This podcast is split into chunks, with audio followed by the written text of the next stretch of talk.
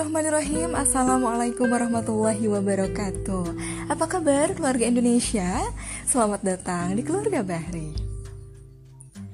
Kali ini saya masih akan melanjutkan kembali pembahasan mengenai akidah Islam Islam dari akar hingga daun Gimana? Apakah sudah disimak episode yang pertama dan juga yang kedua?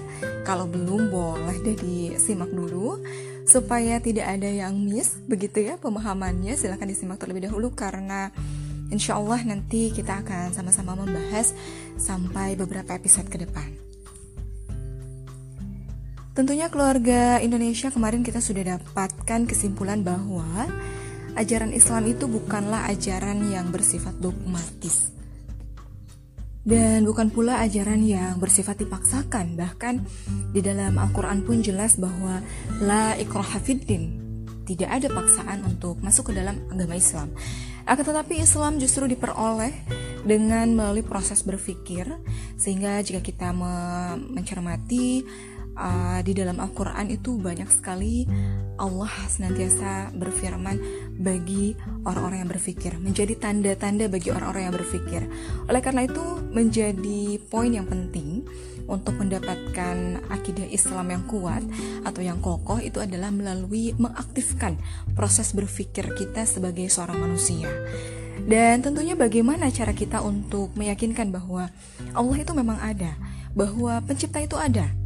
Nah, sebenarnya sangat-sangat mudah yaitu cukup dengan kita memperhatikan melihat apa yang ada di sekitar kita bahwasanya ada gunung yang sangat menjulang tinggi, langit yang begitu kokoh walaupun tanpa ada tiang, kemudian ada burung, ada tanaman, ada air yang begitu luar biasa.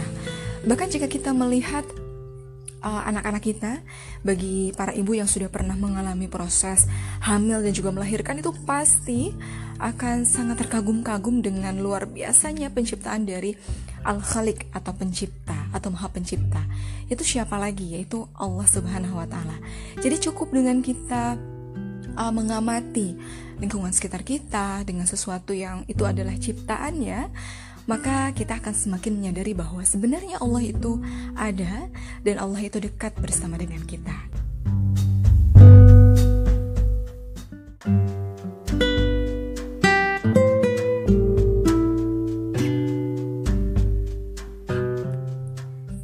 Keluarga Indonesia lantas ada satu hal yang menarik yang pernah saya dapatkan dari cerita atau pengalaman uh, hijrahnya Ustadz Felix Siau sehingga akhirnya beliau memutuskan untuk menjadi seorang mu'alaf di usia yang cukup muda, terbilang muda ketika sedang kuliah ya kalau tidak salah.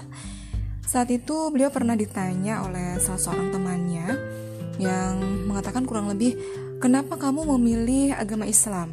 Padahal di dalam Islam Tuhannya itu tidak berwujud, tidak ada wujudnya, tidak ada uh, fotonya, tidak ada gambarnya, begitu ya, rupanya tidak tahu seperti apa. Lantas jawaban yang menarik uh, dari Ustadz Yao itu adalah beliau mengatakan justru karena Islam itu tidak menggambarkan wujud Tuhan, maka akhirnya saya memutuskan untuk masuk ke dalam agama Islam. Karena jika Tuhan diwujudkan dalam sesuatu bentuk, maka apa bedanya dengan makhluk yang lain? Bukankah dia itu adalah pencipta? Pasti berbeda dengan ciptaannya.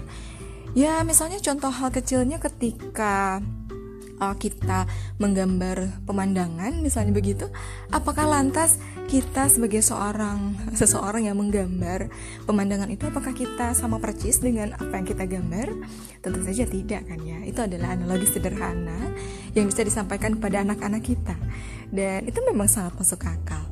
Atau misalnya ada analogi lain yang pernah saya dapatkan juga. Jadi kalau misalnya nih keluarga Indonesia punya barang nih misalnya apa ya? Handphone ya gawai kita itu uh, kita pasti meyakini bahwa gawai ini ada yang menciptakan, betul? Pasti setuju ya. Lantas saya ingin bertanya lagi, apakah uh, keluarga Indonesia ada yang tahu bahwa yang membuat handphone ini jenis kelaminnya laki-laki atau perempuan ya? Atau rambutnya itu keriting atau mungkin lurus? kemudian uh, matanya belok atau sipit, kulitnya berwarna putih atau hitam, yang pasti kita tidak akan pernah bisa tahu. Namun satu hal yang harus kita yakini bahwa handphone ini pasti ada yang menciptakan.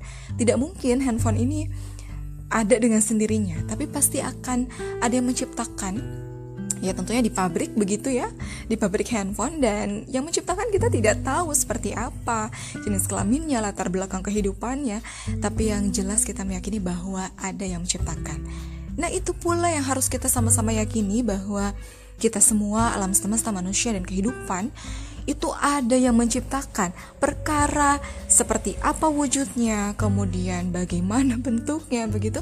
Itu tidak boleh kita tanyakan karena itu sudah menjadi satu hal yang harus kita imani. Nah,